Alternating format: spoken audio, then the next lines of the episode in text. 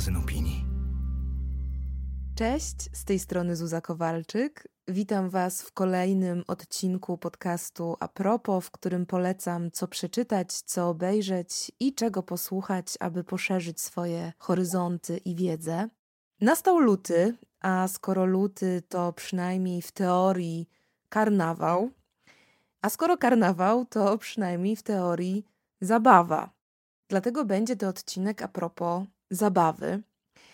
I choć oczywiście z jednej strony zabawa, to jednak jako pismo nie bylibyśmy w pełni sobą, gdybyśmy ten temat potraktowali wyłącznie wesoło i jakoś tak powierzchownie.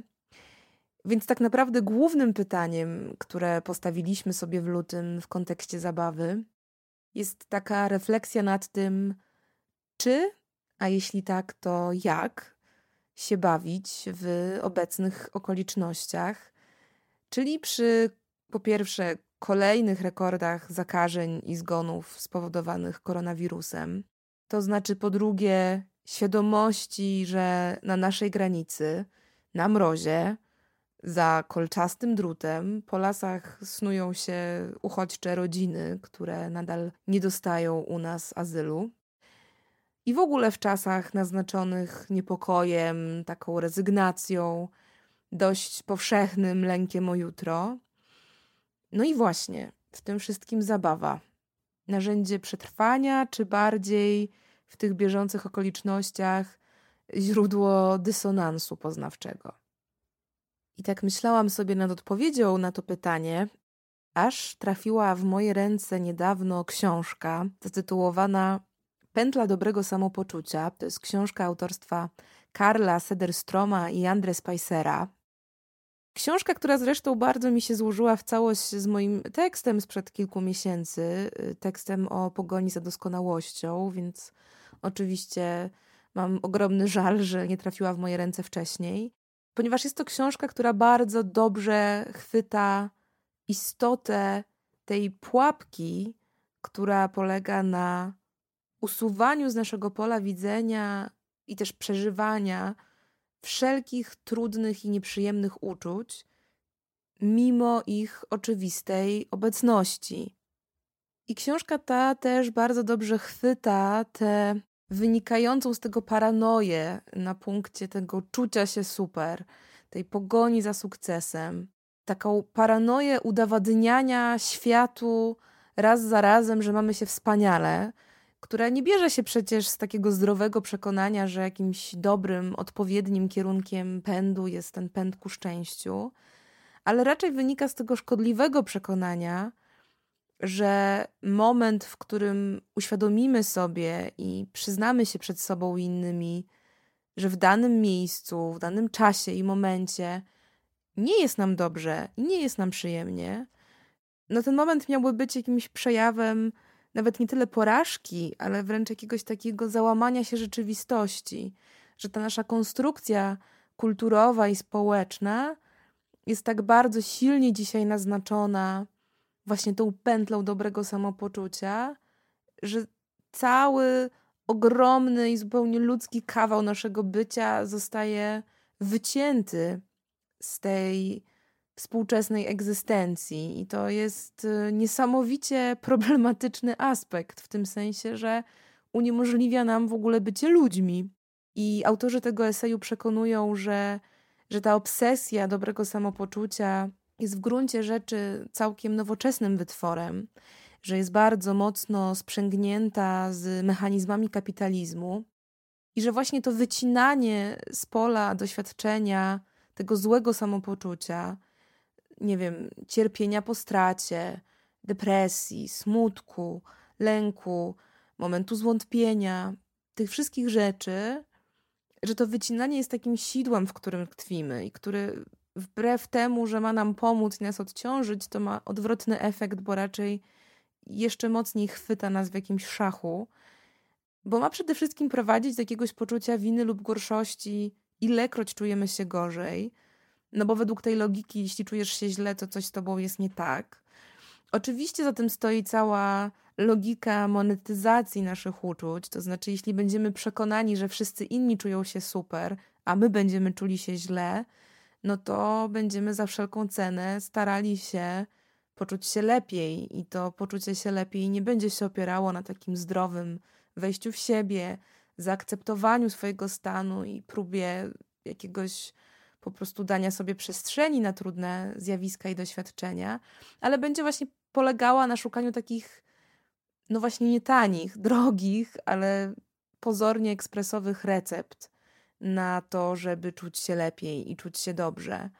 Tak naprawdę od podszewki w tej logice chodzi właśnie o zaprzestanie pogłębiania samoświadomości. To znaczy, systemowi nie jest na rękę, żebyśmy tą samoświadomość pogłębiali, no bo w efekcie mogłoby to doprowadzić do prób jakiegoś przeorganizowania życia, czy to prywatnego, czy tego społeczno-politycznego. No bo naprawdę silna niezgoda na zastaną rzeczywistość i naprawdę silny bodziec do zmiany bierze się właśnie z dostrzeżenia i zaakceptowania tego, co nam zgrzyta i tego, co nas boli. A przymus pozytywnego myślenia jest raczej drugim biegunem, raczej taką receptą na marazm i na ślepotę, na to, co nam nie odpowiada. I nie ukrywam, że myśląc o tym eseju, w pewnym momencie przypomniało mi się, że mam to zadanie napisać tekst i nagrać podcast o zabawie. I zaczęłam się zastanawiać nad tym, czy właśnie zabawa nie bywa niekiedy takim przymusem dobrego samopoczucia. Wiele osób, w tym zresztą ja, nie znosi na przykład Sylwestra właśnie za to, że jest to taki wieczór naznaczony jakimś odgórnie narzuconym obowiązkiem świetnej zabawy, że ta świetna zabawa rzadko kiedy bywa naturalna i spontaniczna i taka autentyczna, tylko raczej jest jakimś takim przymusem, który ma służyć przekonaniu samego siebie, że jest u nas świetnie, podczas gdy prawda niekiedy bywa zupełnie inna. I że ta zabawa właśnie wtedy zaczyna się robić problematyczna, kiedy jest o jakimś oszukiwaniu siebie, o zagłuszaniu siebie, o wygłuszaniu tego, czego boimy się usłyszeć gdzieś tam głęboko w sobie. Więc chyba zaczęłabym od tego, żeby wskazać, że zabawa ma taką dwoistą strukturę. To znaczy, może być i katalizatorem złego, i jednocześnie motywatorem dobrego. No i oczywiście nie jest to wniosek jakkolwiek nowy, bo tak naprawdę od podszewki w zabawie zawsze chodziło o wyzwalanie dobrych emocji z jednej strony i o wygłuszanie czy też rozładowywanie tych drugich z drugiej strony. I od takiej właśnie perspektywy, to znaczy perspektywy bardziej historii kultury, no w zabawie od zarania chodziło właśnie o wywracanie porządku, o kontestowanie zasad, o takie eksperymentowanie z tożsamością, w tym wszystkim był też e, cały zestaw praktyk polegających na zakładaniu masek, kostiumów, odgrywaniu jakichś innych ról. No to wszystko właśnie po to, żeby rozładować to, co złe, to, co trudne, znojne, ciężkie. Ale to wszystko też po to, aby właśnie nie doprowadzić do kumulacji, a dalej akceptacji i transformacji tych złych uczuć w jakąś naprawdę głęboką, a nie tylko tymczasową zmianę, która miałaby prawdziwy potencjał przekształcenia status quo. No i właśnie dlatego władza, między innymi władza kościelna, organizowała zabawę w formie na przykład karnawału, pierwotnie w formie takich średniowiecznych, jarmarczno-ludowych świąt i praktyk, które były właśnie odgórnie zarządzane i odgórnie uznawane. I pisze o tym innymi jeden z najważniejszych badaczy karnawału i antropologii widoisk, Michał Bachtin, w swojej książce Twórczość Franciszka Reblego, a kultura ludowa średniowiecza i renesansu. Tak, wiem jak to brzmi, natomiast musicie mi wierzyć, że jest to książka, która może nie polecam do poduszki każdemu, ale w bardzo ciekawy i dogłębny sposób tłumaczy te wszelkie mechanizmy stojące właśnie za podwaliną zabawy jako elementu takiego życia i sakralnego, i społecznego. Przede wszystkim Bachtin pisał o tym, że karnawał tym różnił się od tej przecież również wyrastającej z zabawy sztuki, że karnawał bardziej tkwił na pograniczu sztuki i życia. Pisał, że karnawału się nie ogląda, że w karnawale się żyje, bo karnawał właśnie pełnił taką funkcję w pierwszej kolejności tego społecznego katalizatora. Więc miał być takim przykładem autentycznego przeżycia, w którym bierze się aktywny udział, a nie przykładem widowiska, który ogląda się z jakiejś takiej pozycji widowni, jakiegoś takiej dystansu czy alienacji.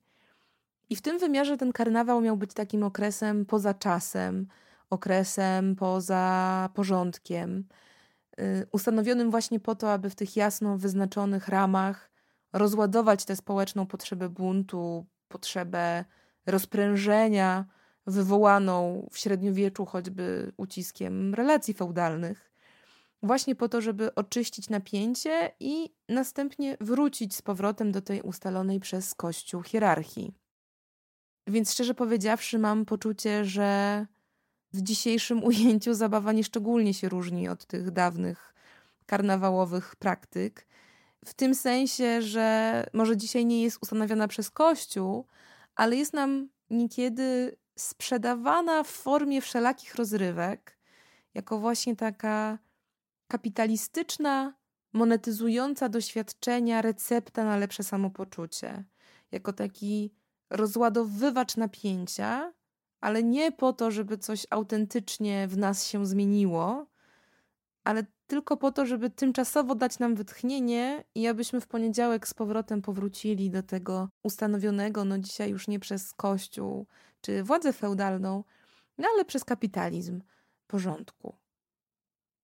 I znowu to z jednej strony, a z drugiej mamy też to drugie oblicze zabawy, którego też nie chcę tu wykreślać i pomijać, czyli mamy zabawę jako źródło wolności i buntu.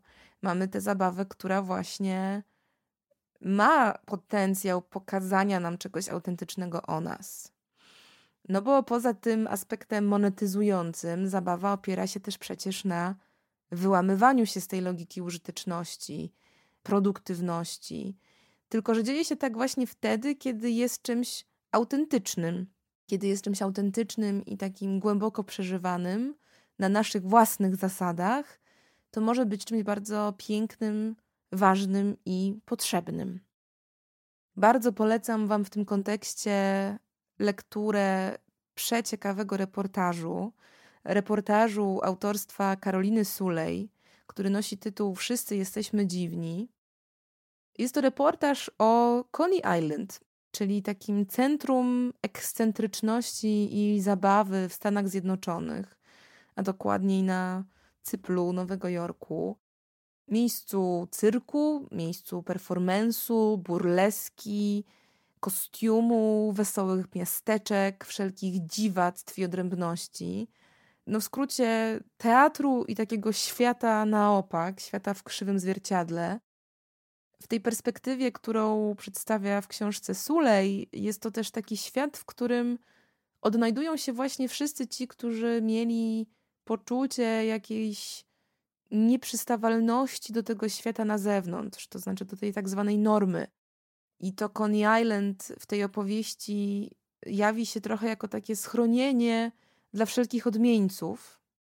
I w tym kontekście tutaj pojawia się, czy też ta książka stawia bardzo ważne pytanie, to znaczy pytanie o to, na czym polega ta różnica, kiedy ktoś, kiedy ten inny podkreśla i performuje swoją inność na własnych zasadach, a kiedy robi to ktoś za niego. To znaczy, jak z jednej strony można kogoś tą innością uprzedmiotawiać, ale też jak za jej pośrednictwem można się upodmiotawiać, jeśli odzyska się ją i tu blink blink, podobnie jak zabawę, na własnych regułach, na własny użytek. I właśnie taką główną myślą, do której zaprasza nas Sule, jest w ogóle to, że wszyscy jesteśmy w jakimś sensie dziwni. To znaczy, że każdy z nas ma w sobie coś odmieńca, coś innego, coś trochę szalonego, i że abyśmy mogli być w pełni sobą, to ważnym jest, aby dać tej części siebie dojść do głosu i aby tej części siebie nie wypierać tylko dlatego, że wydaje nam się ona jakaś zupełnie niepasująca do jakiegoś naszego perfekcyjnego wyobrażenia o sobie. No bo właśnie takim największym przekleństwem jest to, gdy ten nasz współczesny świat nie daje nam na te pełnię naszego bycia przestrzeni, gdy czujemy się tłamszeni. Dlatego właśnie takie miejsca, które nas do tej wolności i swobody zapraszają, w tej właśnie atmosferze karnawału i wywrócenia tej codzienności na drugą stronę, są tak potrzebne i ważne. Ale Sulej zwraca uwagę jeszcze na coś, to znaczy mm, opowiada też między innymi w tej książce w ogóle historię powstania Coney Island jako właśnie takiego szczególnego miejsca i przywołuje w tej opowieści między innymi postać amerykańskiego wynalazcy i biznesmena Lamarcusa Adny Thompsona, który w 1884 roku otworzył na Coney Island pierwszą w historii kolejkę górską, nazwaną później rollercoasterem. I gdy tak zastanowić się nad początkami tego typu rozrywek, to rzeczywiście może nas uderzyć jakaś taka skala absurdu, która stoi z takimi projektami. To znaczy, wiecie, jeździć góra-dół zupełnie bez celu, no to trochę brzmi jak szaleństwo. Tak od razu się pojawia myśl, po co, dlaczego. No i właśnie okazuje się, że zabawa może być celem samym w sobie. I to jest taki dla mnie ważny wniosek z bardzo oczywistej konstatacji, a jednak jakoś istotny do ujęcia tak wprost. Że wbrew temu, co zwykło się właśnie uważać w tym naszym obecnym świecie opanowanym przez ekonomiczną logikę przeliczania wszystkiego na bilans strat i zysków, to ta zabawa jako taka jest tak naprawdę całkowicie racjonalną potrzebą właśnie w tej swojej nieracjonalności. I to nawet wtedy, a może nawet szczególnie wtedy, uwaga, uwaga, gdy nie zapewnia przychodu, gdy właśnie nie ma służyć konsumpcji, ale wtedy, kiedy ma służyć samej sobie. I że ta transformująca i naprawdę sprawcza rola zabawy zaczyna się właśnie w miejscu, w którym wyłamuje się z tych systemowych ram i staje się taką czynnością, takim stanem wyzbytym tej produktywności. Bardzo dogłębnie i gruntownie tłumaczy to zresztą w swoim podcaście o zmierzchu psycholożka i terapeutka Marta Niedźwiecka.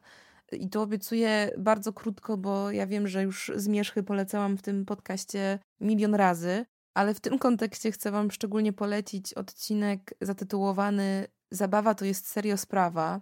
I myślę, że tytuł mówi wszystko w kontekście tego, o czym ja mówię tutaj dzisiaj, ponieważ Niedźwiecka tłumaczy w tym odcinku, że właśnie bez zabawy człowiek właściwie nie ma w ogóle szans zdrowo regulować swojej kondycji psychicznej, pobudzać swojej kreatywności, odkrywać swoich preferencji, swojej indywidualności, a nawet budować stabilnych społecznych więzi, bo zabawa pełni szalenie istotną funkcję społeczną.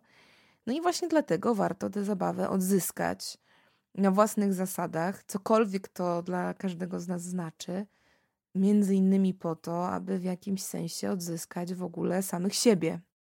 I ta potrzeba zabawy właściwie od zawsze była podwaliną wszelkiej kreatywnej działalności człowieka. Zasadniczo to, gdyby nie zabawa, to pewnie w ogóle nie istniałaby sztuka, kultura, ponieważ ta potrzeba wyrażania siebie w jakiś kreatywny sposób ma swoje źródło właśnie w chęci tworzenia, myślenia i działania na opak, takiego wcielania się w jakieś role, odpuszczania reguł, wyzwalaniu tej swojej kreatywnej strony i właśnie w takim kontaktowaniu się ze sobą na zupełnie innej płaszczyźnie, poza tym codziennym porządkiem. No i właśnie o tym wymiarze zabawy pisał w bardzo swoim słynnym dziele zatytułowanym Homo Ludens Zabawa jako źródło kultury bardzo znany historyk okresu średniowiecza Johann Huizinga. Huizinga przede wszystkim przekonywał, że zabawa, gra i współzawodnictwo leżą u podstaw właściwie wszelkiej działalności człowieka. Pisał, że to upiększanie życia właśnie poprzez odrywanie się od codzienności od zawsze właściwie było taką kulturową funkcją jednostki i społeczeństwa. I też tłumaczył, że zabawa jest zjawiskiem nie tylko takim ściśle fizjologicznym, to znaczy polegającym na wyzbyciu się nadmiaru tych sił żywotnych, jak to pisze Huizinga, czy opierającym się na chęci nabycia jakichś nowych umiejętności, ale jest raczej taką zupełnie pierwotną kategorią życiową, która ma właśnie swój własny sens i swoje własne funkcje. I że istota zabawy polega na tym szaleństwie, na tym wkraczaniu w sferę zupełnie bezinteresownej, tymczasowej aktywności o takich bardzo swobodnych tendencjach, opartych na właśnie porzucaniu rozumności i logiki, po to, żeby przez chwilę pobyć poza tymi ramami i w tym nowym zupełnie wcieleniu poznać też siebie od zupełnie innej strony. A więc jest to o zrzucaniu z siebie właśnie władzy. No i z tego właśnie punktu wynika, że to właśnie dzięki tej zaspokajaniu tej potrzeby zabawy ludzkość była w ogóle zdolna wytworzyć kulturę. Kulturę, o której późniejszych wytworach opowiada przykładowo film dokumentalny Davida Batiego zatytułowany My Generation. To jest film, który znajdziecie na platformie VOD Dogs Against Gravity. I przewodnikiem w tym filmie, który oprowadza i opowiada o brytyjskiej popkulturze lat 60., czyli takich twórcach jak Beatlesi, Rolling Stonesi, ale też chociażby David Hockney czy Mary Quant. No, przewodnikiem w tym filmie jest aktor Michael Caine. Michael Caine, który snuje właśnie opowieść o tym, jak, no właśnie, ta chęć kontestacji, potrzeba wolności, swobody tego wyrażania siebie zrodziła jedne ze znakomitszych osiągnięć współczesnej kultury. Prowadzi nas przez opowieść o tym, jak właśnie z jakiego gruntu wyrosły te najbardziej kanoniczne dzieła dwudziestowiecznej kultury i że tym gruntem były przede wszystkim takie jakości jak zabawa, właśnie entuzjazm, bunt, sprzeciw wobec władzy patriarchalnej, która wprowadza takie bardzo ciasne podziały i bardzo sztywną hierarchię. I że właśnie w tym sensie zabawa była zawsze źródłem bardzo pięknych i poważnych rzeczy, które nie tylko upiększają życie, ale które wręcz to życie wynoszą na jakiś wyższy poziom doświadczenia. I że bez tej zabawy właściwie o nie tylko popkulturę, ale w ogóle kulturę ciężko w ogóle jej się doszukiwać. Więc tak naprawdę myśląc o zabawie, gdzieś nieustannie się pojawia ten motyw dwoistości, czyli to, do czego zabawa jest nam potrzebna, dlaczego jest tak ważna, ale też to, jak może niekiedy zacierać obraz rzeczywistości. W ogóle mam takie wrażenie, że my się dzisiaj bardzo często miotamy między skrajnościami, to znaczy jakąś skrajną karnawalizacją życia, zupełnym wyparciem z jednej strony, i jakąś zupełną beznadzieją z drugiej, że zabawa staje się takim właściwie niekiedy jedynym, co nam zostało, aby doświadczyć czegoś przyjemnego w bardzo trudnych okolicznościach zewnętrznych, czyli trochę staje się taką szansą na oddech, ale z drugiej strony oddala nas od problemów, którymi w takim społecznym wymiarze powinniśmy się przecież zająć. No i że właśnie w tym sensie jakoś zakłamuje obraz rzeczywistości. No a może ta rzeczywistość w ogóle taka jest po prostu, to znaczy jakoś tam nieoczywista i dwoista, i może rzeczywiście próbując jakoś te dwie jakości pogodzić ze sobą, powinniśmy tę zabawę potraktować no właśnie, nie jako ucieczkę od siebie, ale jako sposób na lepsze poznanie siebie. Nie jako takiego zagłuszacza problemów, ale może bardziej jako źródło samowiedzy, też źródło siły do rozwiązywania tych problemów. Czyli nie jako środek, który ma wymazywać trudne elementy z naszej przestrzeni psychospołecznej. Nie w tym sensie, że je rozwiązywać, ale raczej je unieważniać albo nas jakoś oślepiać na ich istnienie i jednocześnie wikłać nas właśnie w ten stan takiego obowiązku dobrego samopoczucia, ale z drugiej strony, no właśnie, może być bardziej metodą na autentyczne doznawanie siebie po to, aby rozwijać swoją kreatywność, a przez to gdzieś na końcu rozwijać też naszą empatię. I gdy w taki sposób próbuję na to spojrzeć, to zastanawiam się, czy właśnie nie jest przypadkiem tak, że to właśnie ta zabawa i ten moment, kiedy, jak to mówi Karolina Sulej, uświadamiamy sobie, że wszyscy jesteśmy jakoś dziwni, jest tym momentem, kiedy doświadczamy właśnie nie fałszu i kostiumu, ale właśnie jakiejś prawdy na swój temat. I że taka zabawa, to znaczy właśnie nie służąca ucieczce, ale świadomości, no to może jakoś tak zabrzmi szumnie, ale myślę, że taka zabawa, tak ukierunkowana, w jakimś sensie mogłaby być narzędziem zbawiania świata i rozwiązywania jego problemów, o ile będzie zabawą inkluzywną, zapraszającą do udziału wszystkich, bez wyjątków, no i o ile da nam szansę właśnie wyobrażenia sobie świata od nowa, czyli ta kreatywność będzie twórcza i popychająca do przodu, a nie skazująca na utknięcie tu i teraz. No więc właśnie niech taka zabawa nam towarzyszy i niech nas ratuje od złego. Amen. A kolejne odcinki a propos już niebawem, więc do prędkiego usłyszenia.